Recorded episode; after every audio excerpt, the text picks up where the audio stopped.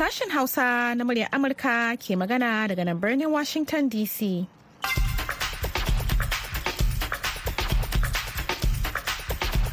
Masu sauraro, Assalamu alaikum. Hadiza Kyari ce tare da Maryam Dauda da sauran abokan aiki muka sake yaudawa a shirinmu na hantsi a yau ranar Juma'a uku ga watan Fabrairu na shekarar 2023. Bayan labaran duniya, muna tafe da rahoto akan ziyarar wata tawagar ministocin ƙasar Holland ciki har da ministan kula da hulɗa na ƙasashen ƙetare zuwa jamhuriyar Nijar domin tattaunawa game da batutuwa da suka shafi bakin haure, tattalin arziki da tsaro a ƙasar. sannan al'ummar jihar borno na ci gaba da tofa albarkacin bakin su game da karin wa'adi na sauya takardun kuɗin da babban bankin najeriya ta yi kuma kowace ranar juma'a za a ji maimaicin shirin yanayi da mahali na isha ma'azu. Amma kafin nan ga maryam da halin da duniya ke ciki. Jama'a assalamu alaikum ga cikakkun labaran. Amurka na bin diddigin wani abu da ake kyautata zato balabalan leƙen asirin china ne da aka hango a sararin samaniyar ƙasar a cikin 'yan kwanakin nan. Amma ma'aikatar tsaron amurka ta pentagon ta yanke shawarar kin harboshi saboda zai iya illata mutane a doron ƙasa a cewar jami'ai. Gano balan-balan ɗin ya ƙara dagula dangantakar da ke tsakanin amurka da china a daidai lokacin da takun sakar ƙasashen biyu ke ƙara zafafa. Wani babban jami'in tsaro ya faɗawa manema labarai na ma'aikatar pentagon cewa amurka na da ƙwarin gwiwa sosai. Balan-balan ɗan ƙasar china ne ke shawagi a wasu muhimman wurare don tattara bayanai. Ɗaya daga cikin wuraren da aka hango balan-balan shine montana wato mazaunan ɗaya daga cikin cibiyoyin nukiliyar ƙasar guda uku da ke sansanin sojan saman malmstrom. Jami'in ya yi magana ne bisa sharaɗin a sakaye sunansa. Brigadier General Patrick Ryder, sakataren yada labaran Pentagon, ya ba da ɗan takaitaccen bayani a kan lamarin yana mai cewa gwamnati na ci gaba da bin diddigin balan-balan ɗin. Bayan gwagwarmayar da ta yi da takunkumin karya tattalin arzikin ƙasa da ƙasa a kusan gaba ɗayan shekarar 2022, tattalin arzikin Rasha na farfadowa a cikin 'yan watannin nan, yayin da masu shigo da kayayyaki daga ƙetare suka gano sabbin hanyoyin shigar da kaya a cikin ƙasar. Wani rahoton asusun ba da lamuni na duniya da aka fidda a wannan makon ya ce ta yiwu tattalin arzikin rasha ya ƙara da kashi sifili da uku cikin ɗari a shekarar nan ta 2023 maimakon ya ragu da kashi biyu da uku cikin ɗari kamar yadda aka yi hasashe a baya. Amurka da ƙasashe kawayenta sun mai da martani akan mamayar da rasha ta yi wa ukraine a watan fabrairun shekarar 2022 da takunkumin karya tattalin arziki mai zafi da kuma takaita hanyoyin shigar da kayayyaki ƙasar abin da wasu da yawa suka yi tsammanin matakin zai gurgunta tattalin arzikin rashar. A jiya Alhamis tarayyar Turai ta sanar da kaddamar da wata sabuwar cibiya da za ta tuhumi Rasha akan laifuffukan kutsan soja. Wani ƙoƙari na baya-baya da ƙasashen duniya ke yi don tuhumar shugabannin Rasha saboda mamayar Ukraine. Shugabar tarayyar Turai Ursula von der Leyen ita ce ta bayyana hakan a wani taron manema labarai na haɗin gwiwa da shugaban Ukraine Volodymyr Zelensky a birnin Hague. Sabuwar cibiyar ta ƙasa da ƙasa za ta tattaro dukkan hujjojin da ta samu game da mamayar a cewar von der Leyen. Ta kuma ce cibiyar za ta yi aiki da wata tawagar haɗin gwiwa ta masu bincike da ƙasashen Lithuania, Poland da Ukraine suka kirkira a shekarar da ta gabata, wadda kuma ta samu goyon bayan tarayyar Turai a cewar ta. To kuna sauraron labaran ne daga nan sashen Hausa na muryar Amurka a birnin Washington DC.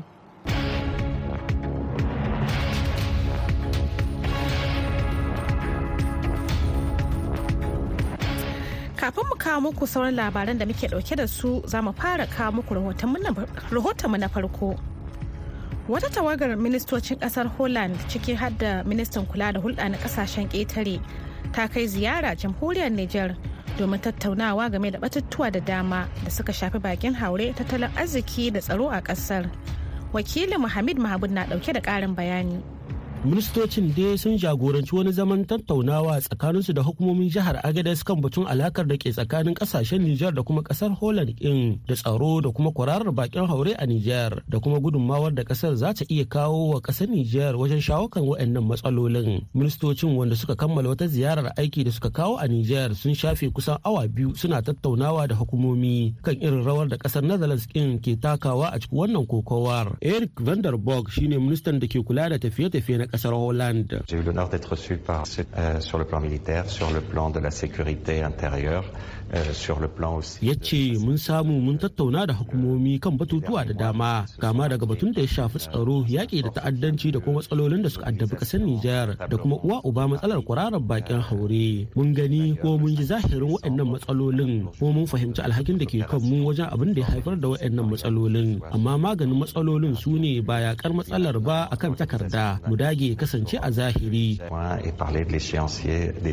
To sai dai a yayin tattaunawar hukumomi a agada sun bayyana cewa abu mafi muhimmanci da Nijar ke buƙata daga ƙasar ta Holland shine tallafi a fannin tsaro da matsalolin da bakin haure ke haddasawa. Abdurrahman Turawa magajin gara Agadas. Tawaga ta kasa ba su gani da idanunsu yadda mu take aiki bisa wannan fanni. Lalle in aka ce magana ta bakin haure kenan Agadas hanya ce wadda yake duka ƙasashe na Afirka ta yamma da na tsakiya suna bi ta Agades. Akwai matsaloli da dama daga Agades za a shiga ta ne zuwa kasashensu. Menene ya kumshi abubuwan da ya kamata a dafa bisa kare hakkin adam bisa tallafin da ya kamata su su gani in ya dace su yi. To sai dai ƙungiyoyin fararen fulla a Nijar su yi wa gwamnatin hannunka mai sanda kan tururuwar da ƙasashen yamma ke yi a Nijar inda suke ganin kubucewar da ƙasashen Mali da Burkina Faso ne suka yi musu yasa suka mai da aniyar su ga ƙasar Nijar. Alhaji Idi Abdu dan ƙungiyar farar fulla a Nijar.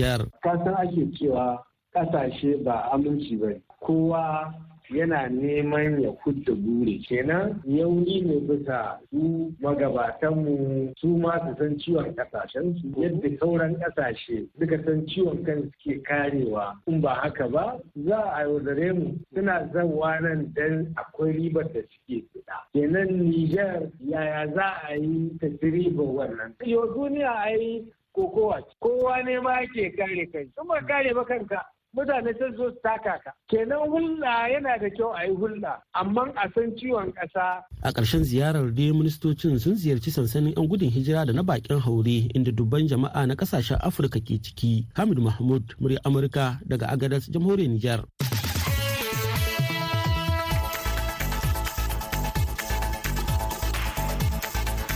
a gaida hamid mahmud.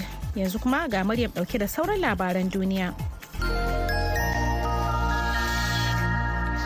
A rana ta uku a ziyarar da yake yi a nahiyar Afirka, Papa Roma Francis ya faɗa wa shugabannin cocin Katolika na Jamhuriyar Dimokuraɗiyyar Congo cewa za su iya taimakawa wajen yaƙi da zalunci da ya daɗe yana addabar yankin. Francis ya yi wannan jawabin ne a jiya Alhamis a yayin da ya jagoranci addu'o'i a majami'ar Our Lady of the Congo Cathedral a Kinshasa babban birnin ƙasar. Waɗanda suka halarci taron sujadar sun hada da limaman cocin da yawa da masu jagoranci a cocin da kuma ɗaliban makarantar seminari. Papa Roma ya faɗa musu cewa sun tunatar da shi irin matsalolin da suke fuskanta na zama a cikin ƙasa mai kyau mai wadata kuma, amma duk da haka tana fuskantar babban ƙalubale saboda cin hanci da rashawa, tashin hankali da rashin adalci. A jiya Alhamis Amurka ta yi kira ga gwamnatin ƙasar Sudan da ta yi amfani da duk hanyoyin da dokar ƙasar ta tanada don sauya wani mataki da ta ɗauka a wannan makon na sakin wani ɗan Sudan da ke fuskantar hukuncin kisa saboda kisan wani jami'in diflomasiyya Amurka a shekarar 2008. An samu Abdulra'uf Abu Zaid tare da wasu da laifin kisan ba Amurke John Granville da wani abokin aikinsa ɗan ƙasar Sudan waɗanda suka yi aiki da cibiyar raya ƙasashe ta Amurka da wasu 'yan bindiga suka kashe su a birnin Khartoum. Jami'ai sun gana da jakadan Sudan a Amurka a jiya Alhamis kuma jakadan Amurka a Sudan John Godfrey na tattaunawa da manyan jami'an Sudan a kan batun.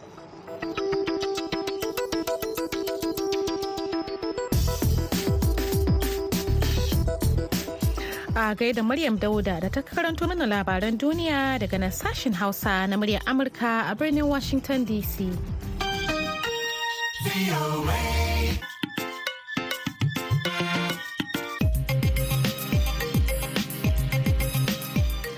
Al'ummar jihar Borno na ci gaba da tofa albarkacin bakinsu game da ƙarin wa'adi na sauya takardun kuɗin da babban bankin Najeriya ta yi. Gadi Haruna Dauda biyu da ƙarin bayani.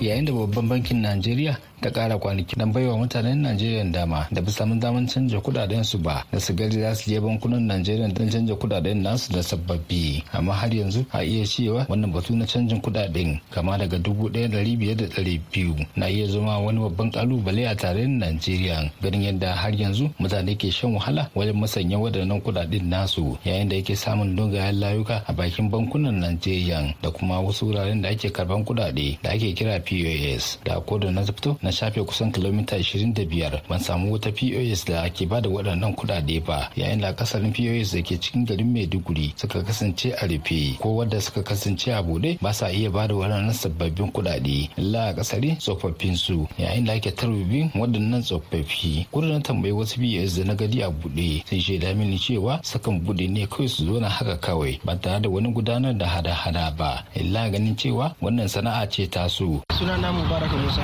Kai ne mai fiye salon anguwar kullum kuna samun kawo mutane su kan ba da wannan kuɗaɗen to gaskiya yanzu samun kuɗi ya zama abu ne mai wahala a gurin gaskiya. Da mutane suna kama na mai deposit ne yanzu sakamakon wannan halin da aka shiga ma sun ma daina kawo. Ko da mun je banki ba sa ba to na ji wani ya zo duka ga buga salati ya nemi naira dubu ɗaya ka ce inda lillahi wa inna ilaihi raji'un. Kaman babu wannan kuɗi kenan? Eh babu wannan kuɗin ne kuma ina so in taimake shi gashi kuma babu. To yasa abin gaba ɗaya na ma rasa ma me zan ce mishi nake yin salati. Haka zalika ya shafi hada-hadan masu motocin sufuri da suka shaida mini cewa suna fuskantar wasu matsaloli kamar haka. Abubuwa da da dama yana faruwa. Yanzu zaka ɗauki fasinja ma sai ya ce ma transfer. Wani kuma babu transfer ne har kun zo kun sauka kuma wani zai ce ku je har gida ya sallame ko kuma ya je karɓi bashi a wajen wani ko ya bayar da ajiyan abun shi sunana bala. Bala ka zo daga ina? Na zo daga kano ne. To ka zuwa cikin mota ne kuma kana so ka sallami direba? In allah ya yarda. Wannan kuɗi ya yi ma wahala baka same su baki na kasa wallahi da kyar ma takawa nake da kafa ya taimaka min ma ya ɗauko daga nan da maturu na hau mota yanke yanke ne na soka da maturu sannan na samu wannan kuma ya ɗauko ni zuwa maiduguri. na ga kuma kana gaban mai biyo kana tambayan naira dubu don ka sallami shi wannan direba. In allah ya ka samu wannan kuɗin ne? Eh to gashi nan dai yanzu na zo shi ma alamunsa dai ba haka abin yake a dukkanin kasuwannin ƙasar wannan wannan lamari ya zama babban abin duba a ƙasar da kuma ke ƙoƙarin jefa mutane cikin hali kakanikayi musamman ma ƙananan mutane.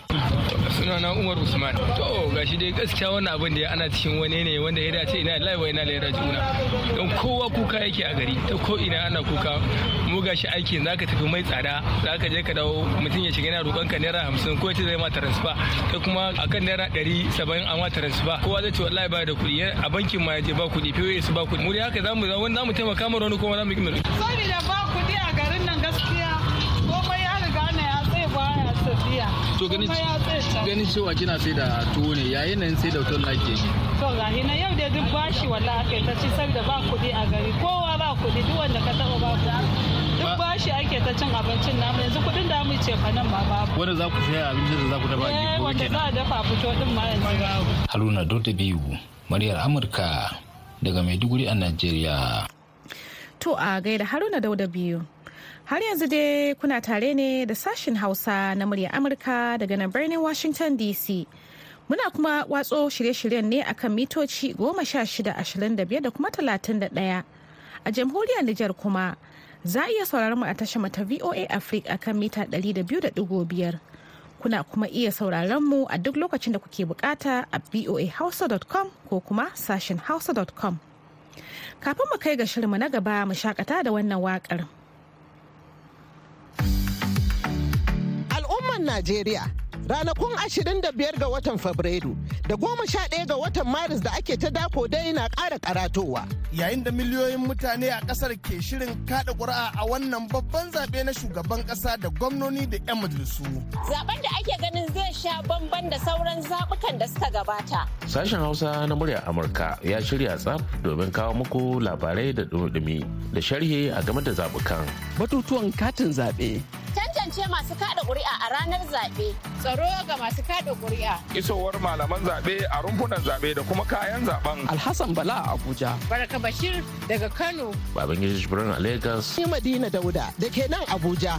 Isa Lol Ikara a Kaduna. Da Husaina Muhammad a Maiduguri. Da sauran wakilan muryar Amurka a faɗin Najeriya. Za mu shiga lungu da saƙo don ganin yadda zaɓukan za su kasance. Za mu tattauna da masu ruwa da tsaki. Da jin ra'ayoyinku. Ku kasance da muryar Amurka domin samun sahihan labarai a kowane lokaci.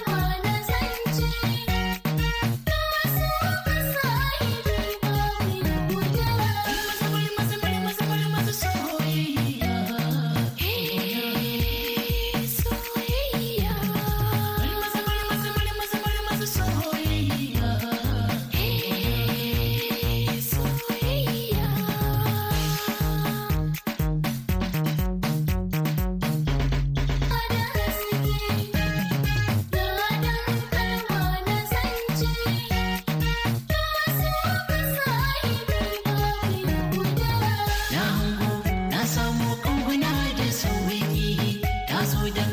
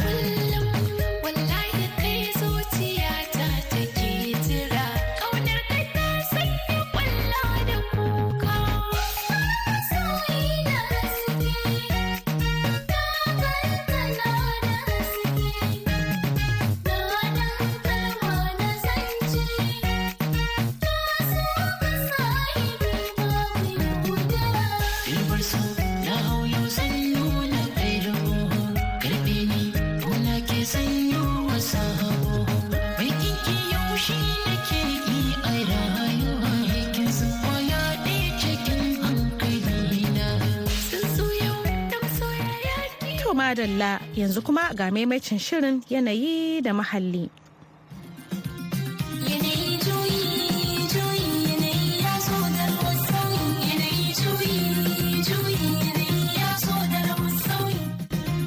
barka da hantsin wannan rana ta juma'a mai albarka mai sauraro kuma barka da kasancewa da shirin yanayi da muhalli daga nan sashen hausa na muryar amurka tare da ni aisha mu'azu.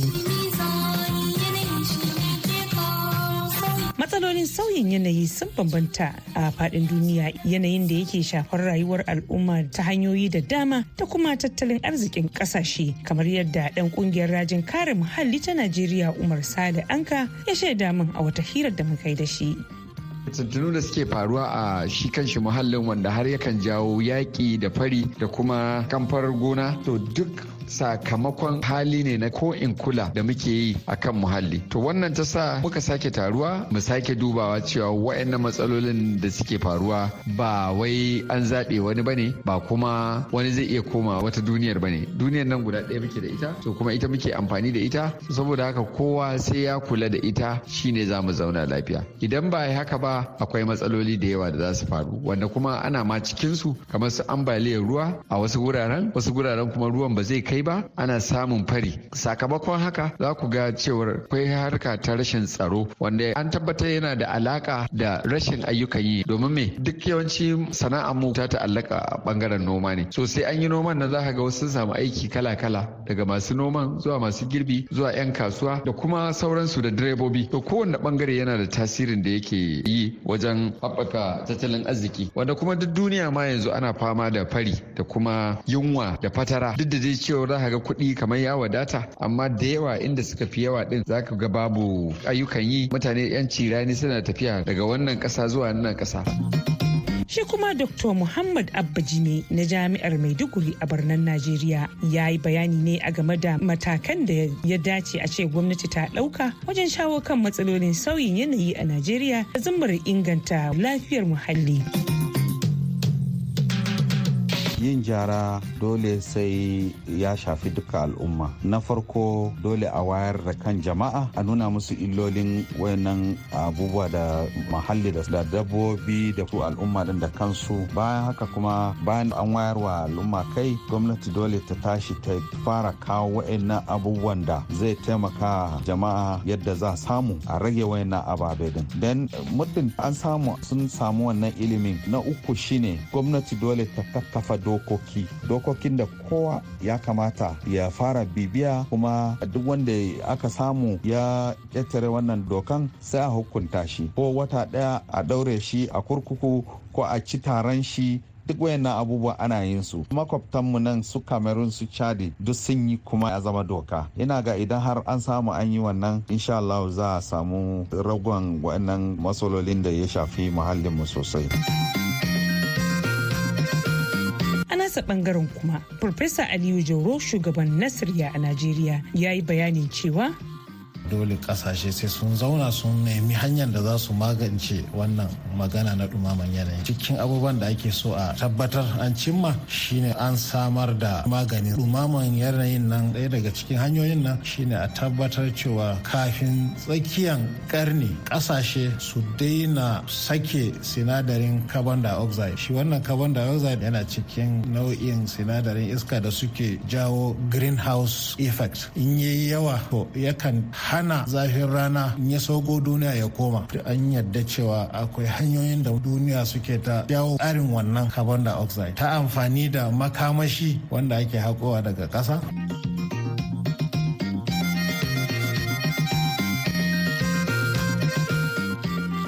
Mai sauraro da haka ne kuma za mu yi sallama a cikin shirin a yau, amma idan aka tara da mu zuwa makon gobe idan Allah mai kowa mai kuma ya raya mu, za a ji mu da wani sabon shirin. Yanzu a madadin bakin namu da dokacin ma'aikatan sashen hausa na muryar amurka sai solomon abu da ya daidaita mana sauti. Ni aisha mu'azu nake mana fatar alkhairi.